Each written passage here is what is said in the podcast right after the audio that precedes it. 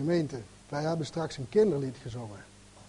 Ja is ja, nee is nee, beloofd is beloofd. Jezus zal je helpen als jij in hem gelooft.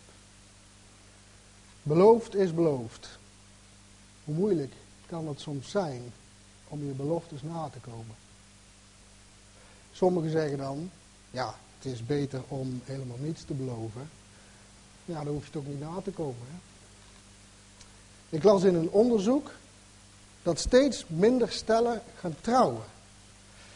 Maar daarentegen gaan ze wel steeds vaker een geregistreerd partnerschap aan. En de overeenkomst volgens dat onderzoek tussen beide uh, zijn vrijwel hetzelfde. En dan gaat het vooral om uh, juridisch, uh, op juridisch gebied. En het verschil zit hem ook in het symbolische karakter van het huwelijk. Mooie jurk, mooie auto, waar je voor komt rijden, een ceremonie. Ja, heel veel mensen vinden dat niet meer zo belangrijk. Rationele mensen noemen dat. Die denken alleen maar na over, nou wat is het tot nut en hè, wat heb ik eraan. Ja, dat zouden dan de verschillen zijn, maar weet je wat nog een heel groot verschil is tussen zo'n huwelijk en een geregistreerd partnerschap? Dat vind ik eigenlijk het grootste verschil. Alleen bij een huwelijk geef je elkaar het ja-woord. En ik trek daarom eigenlijk andere conclusies uit dat onderzoek. En volgens mij is het gewoon dat mensen gewoonweg minder snel bereid zijn om elkaar letterlijk met een ja-woord trouw te beloven, tot de dood hun scheidt. Wat je niet belooft, hoef je niet na te komen. Maar God, God is zo. Nee, God is juist een God van belofte. Ik denk dat God ze heel graag maakt, die belofte. Aan ons. De hele Bijbel staat er toch vol van? Of niet? Eigenlijk is de Bijbel gewoon een boek vol met beloften. Gaat het zo lezen, de Bijbel? Een boek van beloften voor ons. De ene belofte naar de andere vind je erin. Ja, en God, God heeft er ook geen moeite mee, hè? Om iets te beloven. Want hij kan het alleen maar nakomen. Dat is het verschil met ons. Ons kost het soms heel veel moeite. Heb je iets beloofd en dan, ja, dan moet je het ook nakomen. En lukt dat niet, ja, dat is wel even hè, moeilijk. Ja. God hoeft zich geen zorgen te maken over die vraag. Want hij kan niet falen. God faalt niet. Als God iets belooft, zal het gebeuren. Hoe dan ook. Linksom of rechtsom. En weet u wat nou mooi is, mensen? Als je naar jezelf kijkt, dan, dan kan je wel eens twijfelen aan de belofte van mensen. Maar weet je wat nou mooi is als je de belofte van God, als je elke belofte van God serieus mag nemen. En dat is niet vanzelfsprekend hoor, daarom zeg ik het ook. Elke belofte, precies, precies geloven mag wat er geschreven staat. Als je bijvoorbeeld leest in openbaring over een nieuwe hemel en een nieuwe aarde die komen gaat, dat je dan ook werkelijk geloven mag dat die nieuwe hemel en nieuwe aarde er ook echt komen gaat. Werkelijk. Dat niet vanzelfsprekend. Sommigen zeggen, het is allemaal symbooltaal. Die moet je uitleggen. Dat betekent iets anders. Mooie woorden, maar het zijn metaforen, het zijn beelden van iets. Ja, daar heb je hem weer, hè, die rationele mens. Dat is toch een obstakel hoor, al dat rationele denken. In combinatie met het woord van God. is mijn mening. Het is toch jammer als dat de inhoud van je geloof is. Als je denkt dat het allemaal symbolisch is. Natuurlijk staat er symboliek in de Bijbel. Maar God maakt wel beloften. En wat God belooft, zal hij doen. Nou, we mogen ons daarom uh, onszelf ook wel eens afvragen vandaag. Hoe serieus nemen wij de belofte van God? Of anders gezegd, hoe letterlijk nemen wij zijn woorden? Weet u waarom dat belangrijk is? Dat bepaalt hoe u als christen in het leven staat. Ik zeg het nogmaals, hoe serieus u de belofte van God neemt en hoe letterlijk u die woorden van hem neemt uit zijn woord, dat zal echt bepalen hoe u als christen door het leven gaat. God is een God van belofte. En daarom hebben we vandaag ook twee teksten aan u voorgelezen, Oude Testament, Nieuwe Testament. En in beide teksten komen die beloften naar voren. En als je die beloften nog eens goed gaat bestuderen, dan zien we eigenlijk dat, dat al die beloften van God, die hangen met elkaar samen. Ze komen eigenlijk allemaal terug, ze komen allemaal uit bij één grote belofte, maar je kan het ook één grote opdracht, één grote missie noemen. In feite leiden ze allemaal terug naar datgene wat God aan ons mensen aan het begin van de schepping gegeven heeft. Wat is dat? De heerschappij over de aarde. Niet als baas van de wereld, hè? Nee. Als rentmeesters of huismeesters in dienst van God, de schepper, meeregeren onder koninklijke heerschappij. Wie zou dat nou niet willen? Was dat niet eigenlijk Gods bedoeling met de schepping? Nadat God de mens geschapen had, zegende hij ze en zei tegen hen, wees vruchtbaar, word talrijk, vervul de aarde en onderwerp haar en heers over de vissen van de zee, over de vogels in de lucht en over alle dieren die over de aarde kruipen. Het scheppingsmandaat of cultuuropdracht, zoals het ook wel zo mooi genoemd wordt. Het is eigenlijk alsof God daar tegen ons zegt, hier die mooie aarde die ik voor gecreëerd heb. Ga er maar wat moois van maken met z'n allen. Doe dat maar. Nou ja, u vraagt zich misschien wel af waarom ineens deze tekst uit het scheppingsverhaal. Nou, in de schriftlezing heeft u dus gehoord over belofte, maar ook over opdrachten. En dat ligt volgens mij heel dicht bij elkaar. Belofte en opdrachten, gegeven aan de mens. Uw nageslacht zal talrijk zijn. Zie, ik ben met u. Ga dan heen onderwijs alle volken. Ligt heel dicht bij elkaar allemaal. En zowel die, die beloften als die opdrachten die God aan mensen geeft, leiden dus in feite terug naar, naar dat ene scheppingsmandaat. Die opdracht die God gaf aan de mensen aan het begin bij de schepping.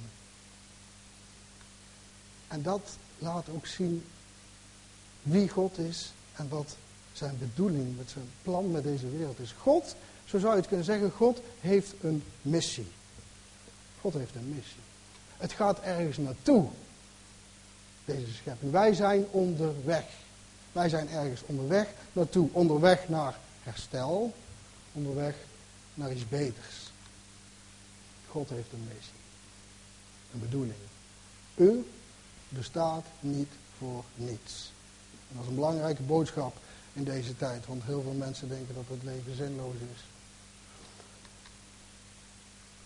God heeft een bedoeling met jouw bestaan. Met uw bestaan. Met iedereen.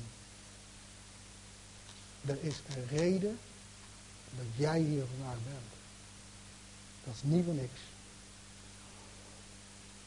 U zegt, ja, maar het is toch misgegaan. Mooi plan, mooie missie. Zondeval. En u dan? Dan is mijn vraag aan u. Wat kan er nou in feite misgaan bij een almachtig God die die boom van kennis van goed en kwaad, waardoor het dan zo mis is gegaan, nota bene zelf in de hof van Ede geplaatst heeft?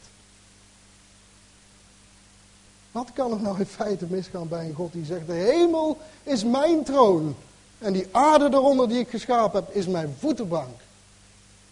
Isaiah 66 vers 1.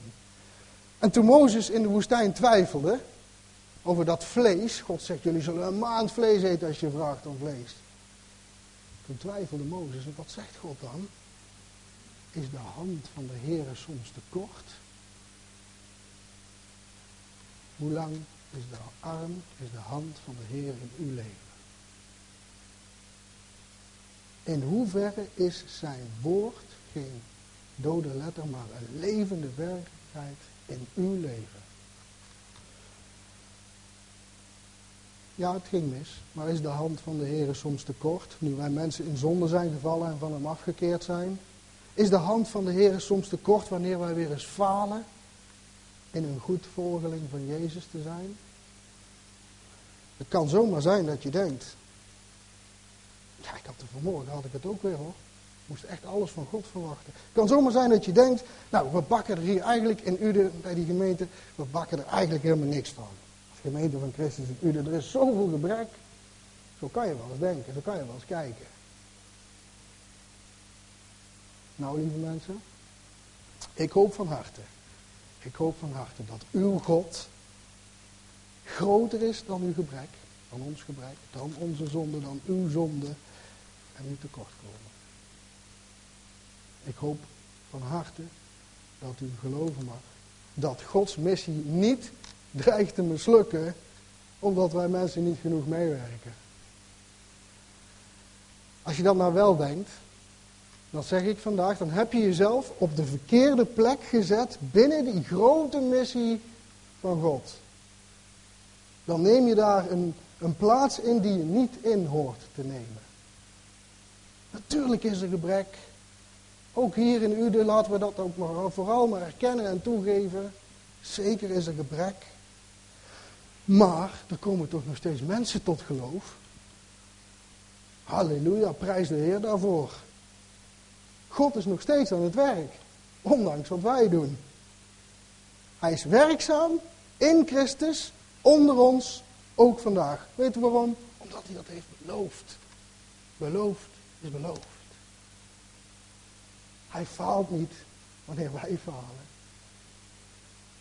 En daarom is het goed om jouw plaats te weten binnen die grote missie van God. Wat is nou jouw aandeel daarin? Hoeveel hangt er nou van jouw presteren af? En hoeveel hangt er van Gods actie af? Nou, ik heb daar wel een uh, mooi voorbeeld uh, over. Een jaar of 15 geleden was ik zelf magazijnbeheerder bij een transportbedrijf hier in Uden. En ik meende dat ik heel goed was in mijn werk. Ik had alles tot in de puntjes geregeld in dat magazijn. En dat alles zo goed en netjes verliep, daar, dat hadden ze allemaal aan mij te danken. Ja. Ze zeggen wel eens voor jou tien anderen. Maar dat had ik toen de tijd niet, uh, niet zo goed begrepen. Ik wist het zeker. Als ik daar niet zou zorgen dat alles op rolletjes zou lopen. En dat liep het in mijn ogen. Als ik er niet zou zijn. Ik durfde bijna niet op vakantie te gaan. Als ik er niet zou zijn, dan zou het een grote puinhoop worden daar. Een tijdje later moest ik op kantoor komen. Ze hadden iemand anders gevonden. Waarvan ze dachten dat die het werk beter zou doen dan ik. Voor jou tien anderen. Ja, daar wel. Het ging echt wel door zonder mij. En waarschijnlijk nog beter ook. Zo is het ook als u een plaats heeft binnen de missie van God. Denk nou niet te snel dat alles van jouw presteren afhangt. Voordat je het heb je een geestelijke burn-out. God is aan het werk. Hij heeft de regie in handen en sluit daarom aan bij wat hij aan het doen is. Nee joh, al keert de hele wereld zich van God af, zoals in de dagen van Noach, dan is de uitverkiezing van één mens voldoende om die geweldige missie van God voor te zetten. Wees talrijk en vruchtbaar waren ook de woorden aan Noach en zijn gezin toen zij opnieuw met de schepping mochten beginnen om er iets moois van te maken. Ga er maar iets moois van maken. Het is de genade van God, lieve mensen. Het is de genade van God waardoor deze opdracht het karakter van een belofte heeft gekregen. Het was een opdracht, we faalden. En God in al zijn genade en goedheid belooft ons dat we die opdracht alsnog mogen vervullen. Zoals God het wil. Door Gods kracht. Wees talrijk en vruchtbaar. Dat is niet zomaar een opdracht, er hoort een zegen bij. Een zegen van God. En kracht, kracht van God, werkzame kracht. Want in het vervullen van de opdracht aan God, die God aan mensen geeft, is de zegen, is de zegen van God een noodzaak. En dat is juist zo belangrijk.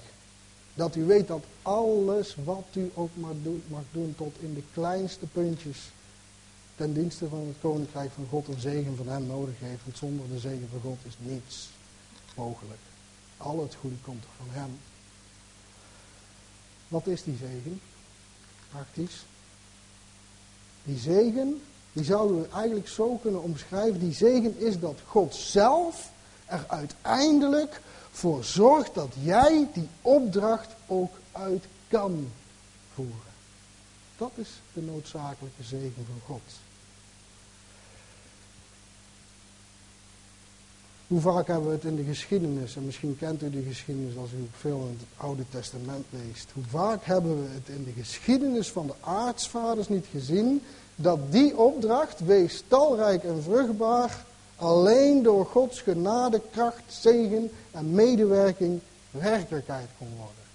Lijkt zo eenvoudig toch? Maar God liet daar zien dat alles toch echt van hem afhangt. Alles. Sarai werd, was onvruchtbaar. Rebecca, onvruchtbaar. Rachel, onvruchtbaar. Sarai, de vrouw van Abraham. Rebecca, vrouw van Isaac. En Rachel, de vrouw van Jacob. Abraham, Isaac en Jacob. Notabene de aartsvaders. Juist diegenen die zo'n voorname plaats binnen die missie van God gekregen hadden, moesten inzien dat die macht en zegen en genade van de Heere God zo onmisbaar is. En dat moeten wij vandaag ook inzien. Iedere keer, elke dag opnieuw. Abraham, Isaac, Jacob en wij moeten dat allemaal inzien. En van Jacob hebben we vandaag gelezen. Voor Jacob was dat ook helemaal niet zo vanzelfsprekend. Hè? Dat als u de geschiedenis kent, en, en, en u moet thuis maar eens vanmiddag als u tijd heeft het gedeelte lezen, Genesis 28 wat er voorkomt, dan ziet u dat Jacob het heft in eigen handen neemt. Hij dwong de zegen af bij zijn broer Esau. En dat kan zomaar zijn dat je zoiets ook wel herkent in je eigen leven. Nou, ik wel hoor. Voordat je het weet ben je weer je eigen plan aan het trekken. En soms kom je er eigenlijk pas achter als je er weer mee bezig bent. Zonder de zegen van God. Het is niet dat je die zegen van God er niet bij nodig hebt. Maar je bent soms net, te, je bent net te snel. Je loopt, je loopt erop vooruit. Je gaat je eigen weg en stiekem hoop je achteraf dat achteraf God wel zal zegenen waar jij mee bezig bent. Is dat herkenbaar? Hij zal toch wel aansluiten bij mijn plannen. Bij wat ik aan het doen ben. Moet het niet juist andersom zijn? Dat wij aansluiten wat God al is begonnen te doen. Hij is toch de eerste? Laat hem dan ook de eerste zijn. Nou, en dat is wat God nu daar aan Jacob wil laten zien. Het is Gods kracht, trouw, zegen en genade waardoor die belofte waargemaakt kan worden.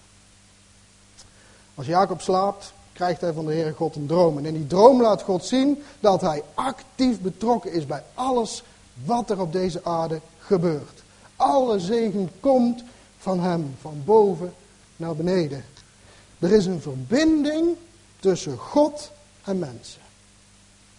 Dat is belangrijk, dat die verbinding er is. Een verbinding tussen God en mensen. Jacob ziet een ladder, waarvan de top tot in de hemel.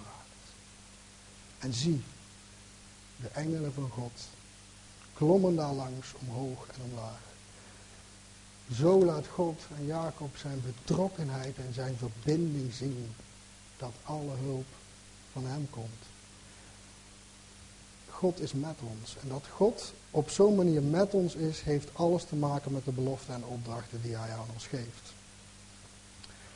Jacob, de zegen afdwingen bij Esau. Je was al lang van tevoren door God uitgekozen als diegene die de lijn zou voortzetten. Waaruit de Messias geboren zou worden.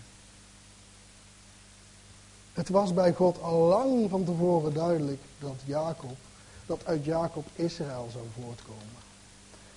En dat Jacob degene was aan wie de belofte zou doorgegeven worden. Die belofte die God aan Abraham had gedaan. En daarom hoort Jacob in zijn droom nu diezelfde belofte. Als die aan Abraham gedaan is. Uw nageslacht zal zijn als het stof van de aarde. En u zult zich uitbreiden naar het westen, het oosten, het noorden en het zuiden. En in uw geslacht zullen alle geslachten van de aardbodem gezegend worden. Gods belofte aan Abraham, Gods belofte aan Jacob en Gods belofte aan ons. Ja, aan ons. Alle geslachten zullen gezegend worden. Hoort u er ook bij. Maar hoe dan? Hoe gaat de Heere God nu zorgen dat die belofte waargemaakt wordt? God gaat verder met spreken tot Jacob en zegt, en zie, ik ben met u. Ik zal u beschermen overal waar u heen zult gaan. Ik zal u terugbrengen naar het land. Want ik zal u niet verlaten totdat ik gedaan heb wat ik tot u gesproken heb. Ja is ja, nee is nee, beloofd is beloofd. En zo maakt de Heere God zijn belofte waar. Door erbij te zijn. En zo mag hij er vandaag ook bij zijn. Gelooft u dat? Gelooft u dat, dat als u straks hier weggaat, als u thuis bent, hoe de situatie ook is, dat hij erbij is? Hij is erbij hoor. Kan soms zo lijken van niet, maar. En muisgangers, ze hadden het niet door hè. Ze hadden het niet door. Hij liep er gewoon naast. Hij is erbij. Hij is er echt bij. Zie Jacob, ik ben met u. Hij is erbij door aan mee te werken, door die regie nooit uit handen te geven. Hij zegt totdat, dat is mooi hè, hij zegt ik ga niet weg totdat ik heb waargemaakt wat ik beloofd heb. Tot die tijd blijf ik echt bij u. Mooi is dat. God zal niet rusten voordat die belofte werkelijk waargemaakt wordt. Ik gebruik steeds dat woord werkelijk, hè? dat heb ik bewust gedaan. Weet u waarom? Daar zit het woordje werk in.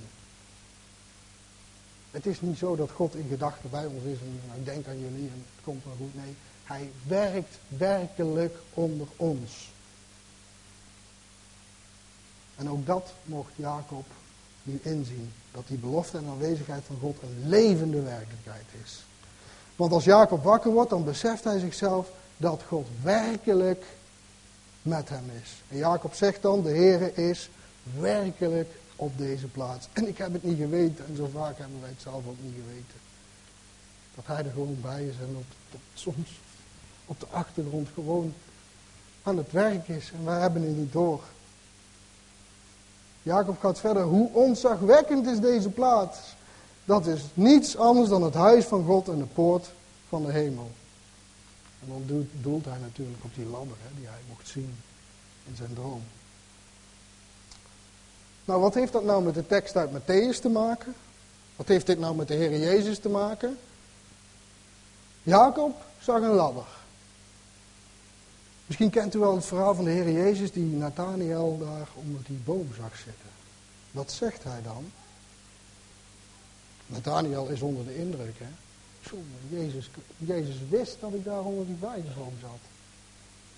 Jezus zegt, u zult nog vele grotere dingen zien gebeuren. Hij zegt dan, voorwaar, voorwaar, ik zeg u, vanaf nu af aan zult u de hemel geopend zien en de engelen van God opklimmen en neerdalen op de Zoon des Mensen. Verbinding tussen hemel en aarde. Die ladder, die poort van de hemel, is de Heer Jezus zelf. Hij alleen is de ware Jacobsladder. Vanaf nu af aan zult u de hemel geopend zien. En de engelen van God zien opklimmen en neerdalen op de zoon des mensen. En dat houdt niet op wanneer de Heer Jezus is opgevaren naar de hemel en zit aan de rechterhand van God de Vader. Nee, de Heilige Geest is uitgestort. Het lichaam van Christus, de gemeente van wedergeboren gelovigen, representeren nu de aanwezigheid van Jezus Christus op aarde. En daarom hebben we gelezen uit Matthäus 28, want ja, het kan zomaar zijn, dan heb je al die, die, uh, die feesten gehad en dan is daar de, de hemelvaart, de uitstorting van de Heilige Geest en dan? Hoe nu verder? Hoe nu verder met de missie van God? De woorden die Jezus sprak in Matthäus 28 waren waarschijnlijk een van de laatste woorden voordat hij opvoer naar de hemel. En wat doet Jezus dan? Hij geeft zijn discipelen daar en ons hier een opdracht en een belofte. Een opdracht en een belofte. Steeds die opdracht die samengaat met die belofte. En in die opdracht, die opdracht die, die Jezus ons en de discipelen daar geeft, die noemen we ook wel de zendingsopdracht. En als het ware is die, die zendingsopdracht, is de geestelijke invulling van de opdracht die de mens van God kreeg bij de schepping. Wees talrijk en vruchtbaar, maar nu in geestelijke zin. Zorg dat er meer en meer volgelingen van Jezus komen en zorg dat ze vruchtbaar zijn door hun te dopen, door hun te onderwijzen, zodat de gemeente van Christus zal uitbreiden. Ga dan heen, onderwijs alle volken en dopend in de naam van de Vader en de Zoon en de Heilige Geest hun lerend alles wat ik u geboden heb in acht te nemen. Bijzondere woorden van Jezus. En het is mooi als je dit nou vergelijkt met die woorden van God die Jacob in zijn droom mocht horen. Net zoals God het aan Jacob beloofde, geeft Jezus hier de verzekering van zijn aanwezigheid bij het vervullen van de opdracht die hij geeft. Met exact dezelfde woorden als in Genesis 28, vers 15 zegt de Heer Jezus nu, zie, ik ben met u. Ik vond het bijzonder om het in beide teksten te lezen. Zie, ik ben met u. Ik was begonnen bij Matthäus 28. En ik zal eens kijken hoe het is dit eerder gezegd? Ja, het is eerder gezegd. En dan kan je soms denken, nou dat hebben de vertalers dezelfde woorden gekozen, zodat het daarom dat je de verbinding tussen de twee gedeelten kunt zien. Nou, ik heb het opgezocht in de Septuagint, de Griekse vertaling van het Oude Testament, exact dezelfde woorden als in de Griekse woorden van het Nieuwe Testament hier in Matthäus. Zie, ik ben met u tot de volleiding van de wereld. Zoals ook de Heere God aan Jacob zei, want ik zal niet verlaten totdat ik gedaan heb wat, u wat ik tot u gesproken heb. Ziet u de overeenkomst? Tot de volleiding van de wereld, totdat ik gedaan heb wat ik gesproken heb. Nou, om die gelijkenissen tussen die twee teksten even te benadrukken, laat ik ze even zien op het scherm. En denk dan nog eens aan die scheppingsopdracht. Wees talrijk en vruchtbaar. In fysieke zin, in het Oude Testament aan de linkerkant. En in geestelijke zin, in het Nieuwe Testament aan de rechterkant. Talrijk en vruchtbaar.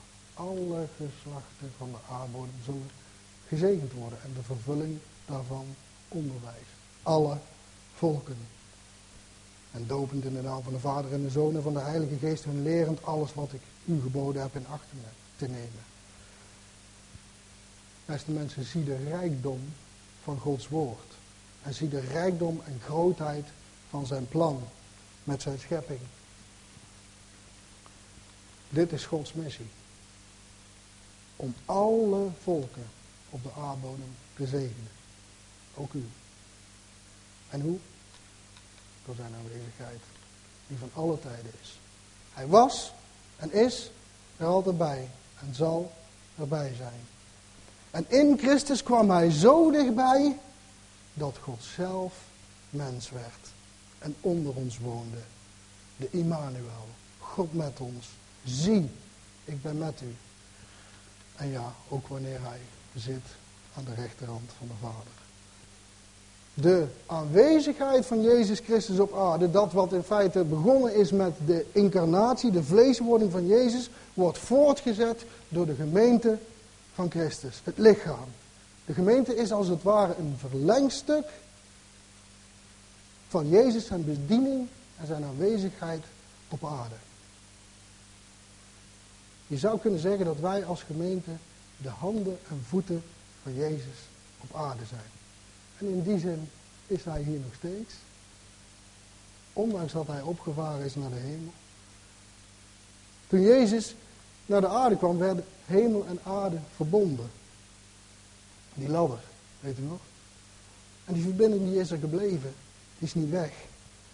Want nu hij het hoofd van de gemeente vanuit die hoge hemel zijn gemeente aanstuurt, die miljoenen volgelingen, dan is mijn vraag nu, is hij dan minder aanwezig nu dan 2000 jaar geleden, toen hij fysiek op aarde rondwandelde en de mensen onderwees. Hij is niet minder aanwezig.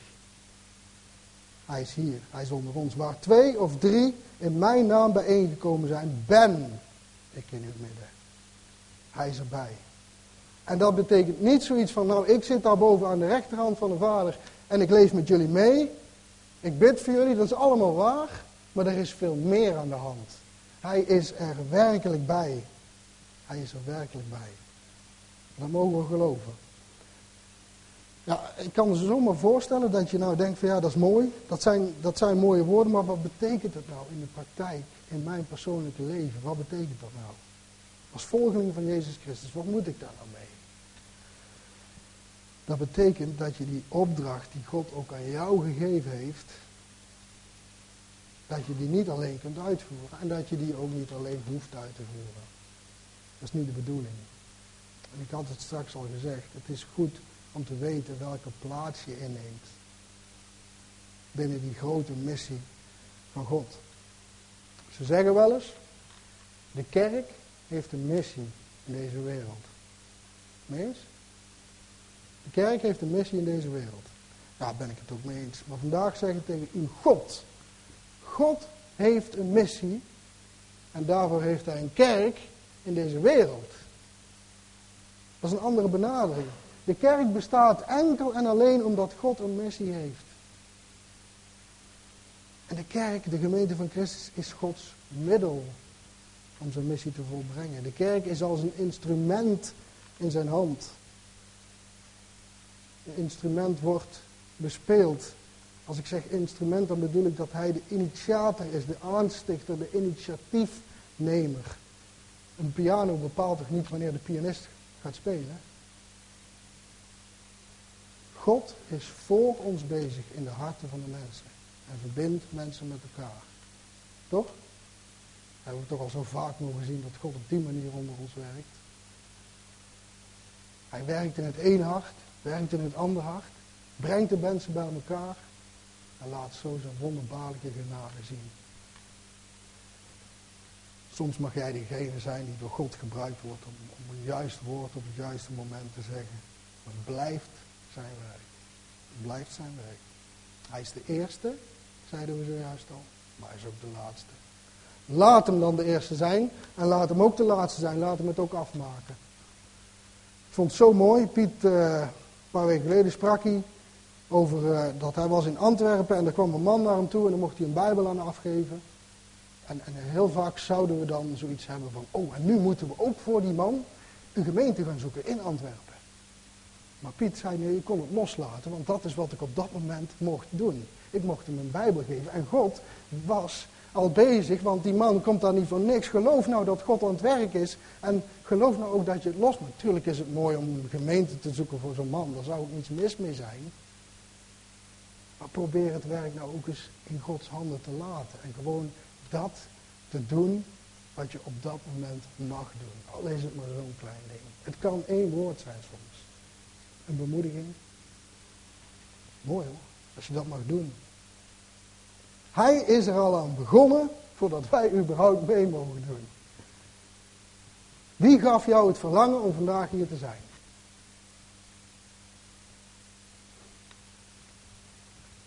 Hij is de grondlegger en de voltooier van ons geloof. Hebreeën 12 vers 2. Doe het nou niet zelf. Sluit nou gewoon aan bij wat God in Christus door de Heilige Geest al aan het doen is. Weet je wat het verschil is tussen iets zelf doen en in de kracht van God doen?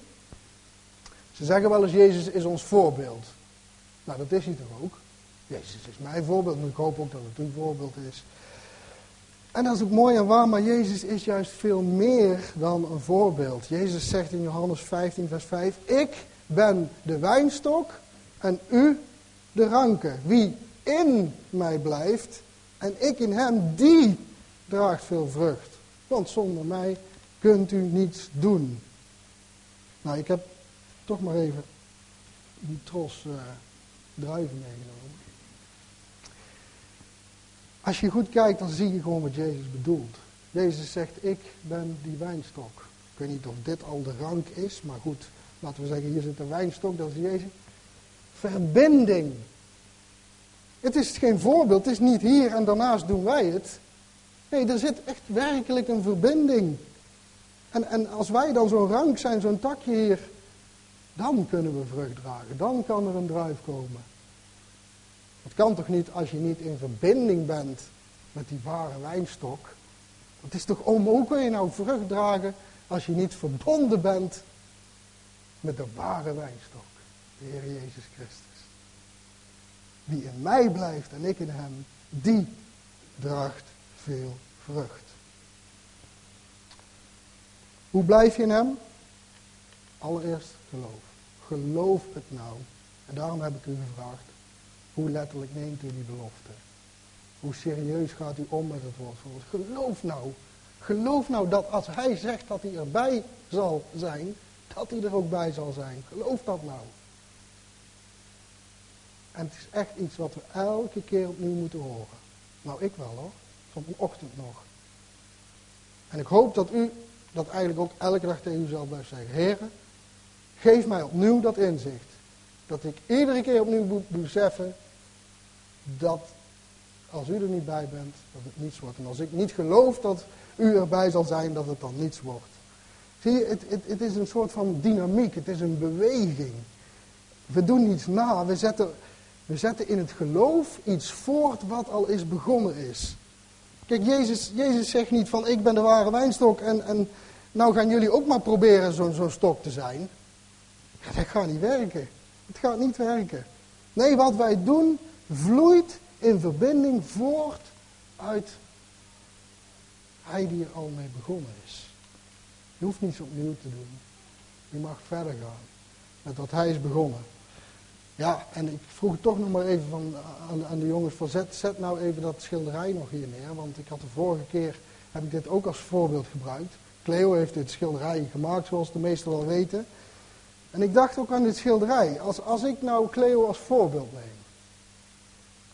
Ik zet dit ding thuis neer en ik koop ook zo'n uh, zo'n bord. En een paar kwasten, wat verf. En ik ga het na proberen te schilderen. Ja, wat zal ik daar nou van bakken? Nou, dat kan ik u wel vertellen. Er komt niets van terecht hoor. Er komt niets van terecht. Ook al had ik nog zo'n goed voorbeeld als Cleo. Gaat mij niet helpen, want ik kan niet schilderen. Cleo wel. Maar hoe anders zou het zijn als Cleo nou bij mij komt staan en mijn hand vastpakt en met mij samen dat schilderij nog een keer naschildert. Of misschien zelfs eerst wat even de contouren zetten en dat ik het in mag kleuren. Dan zou het toch een stuk makkelijker worden. Hè? Maar zo mag je het ook wel een beetje zien als je ten dienste van het koninkrijk van God iets mag doen. Het is allemaal al voorbereid. Hij is er al aan begonnen voordat wij mee mogen doen. Matthäus 28, vers 16 hebben we gelezen het volgende. En de elf discipelen zijn naar Galilea gegaan, naar de berg waar Jezus hen ontboden had. En in de Griekse taal zien we daar het woord tasso staan. En dat betekent ordenen, bestemmen of aanwijzen. Waar hij hen ontboden had. Sommige vertalingen zeggen onderwijzen. Ik denk dat dat niet helemaal uh, recht doet aan, wat daar bedoeld is. Als het gaat om de missie van God, dan plaatste Jezus zijn discipelen daar, je kan het ook zo zeggen, in de juiste slagorde. In de juiste positie. En daarom zei ik al dat het zo belangrijk is dat u als discipel, als volgeling die plaats weet. Volg hem, want hij zegt het ook niet voor niets. Hem is gegeven alle macht in hemel en op Hij geeft een belofte. En dan zegt hij niet u, Nee, hem. Ik ben die levensbron van waaruit u alle opdrachten die ik aan u geef, zult doen en alleen dan zult kunnen doen. Loop niet vooruit, maar volg hem. Hij, Jezus, geeft ons een opdracht. Ook vandaag. Ga dan heen. Onderwijs alle volken. En dopend in de naam van de Vader, van de Zoon en de Heilige Geest. En lerend alles wat ik u geboden heb in acht te nemen. Doe dit, mensen. Doe dit als verlengstuk van zijn bediening. Als een rank van de ware wijnstok. Wees talrijk en vruchtbaar in geestelijke zin. Betekent dat dan dat we er allemaal op uit moeten? Ver weg om discipelen te maken? Nou, er is werk genoeg hier onder ons. En als u wil, dan mag u ver weg gaan. Dat is heel mooi. Als je die opdracht en roeping krijgt. Maar ga dan heen betekent ook heel vaak al loop je deur uit en kijk waar God bezig is en waar jij bij aan kunt sluiten. Dat kan dus gewoon in het dagelijks leven, wanneer u de ander bijvoorbeeld voorleeft in het christen zijn. Discipelen maken discipelen. Dat is al heel moeilijk, vind ik zelf persoonlijk. Elkaar voorleven, elkaar een voorbeeld zijn, wat het is om een christen te zijn. Zie ik ben met u wanneer u de ander bemoedigt of onderwijst, of misschien zelfs vermaant. Een opdracht voor elke christen, niet de enkeling. Elke christen. En daarbij de noodzakelijke belofte. Zie, ik ben met u alle dagen tot de verleiding van deze wereld. Zo, op die manier is Christus werkelijk bij ons. Met ons. Niet alleen in de zending, maar in het alledaagse christelijke leven. Als je in rouw bent, hij is erbij. Werkelijk.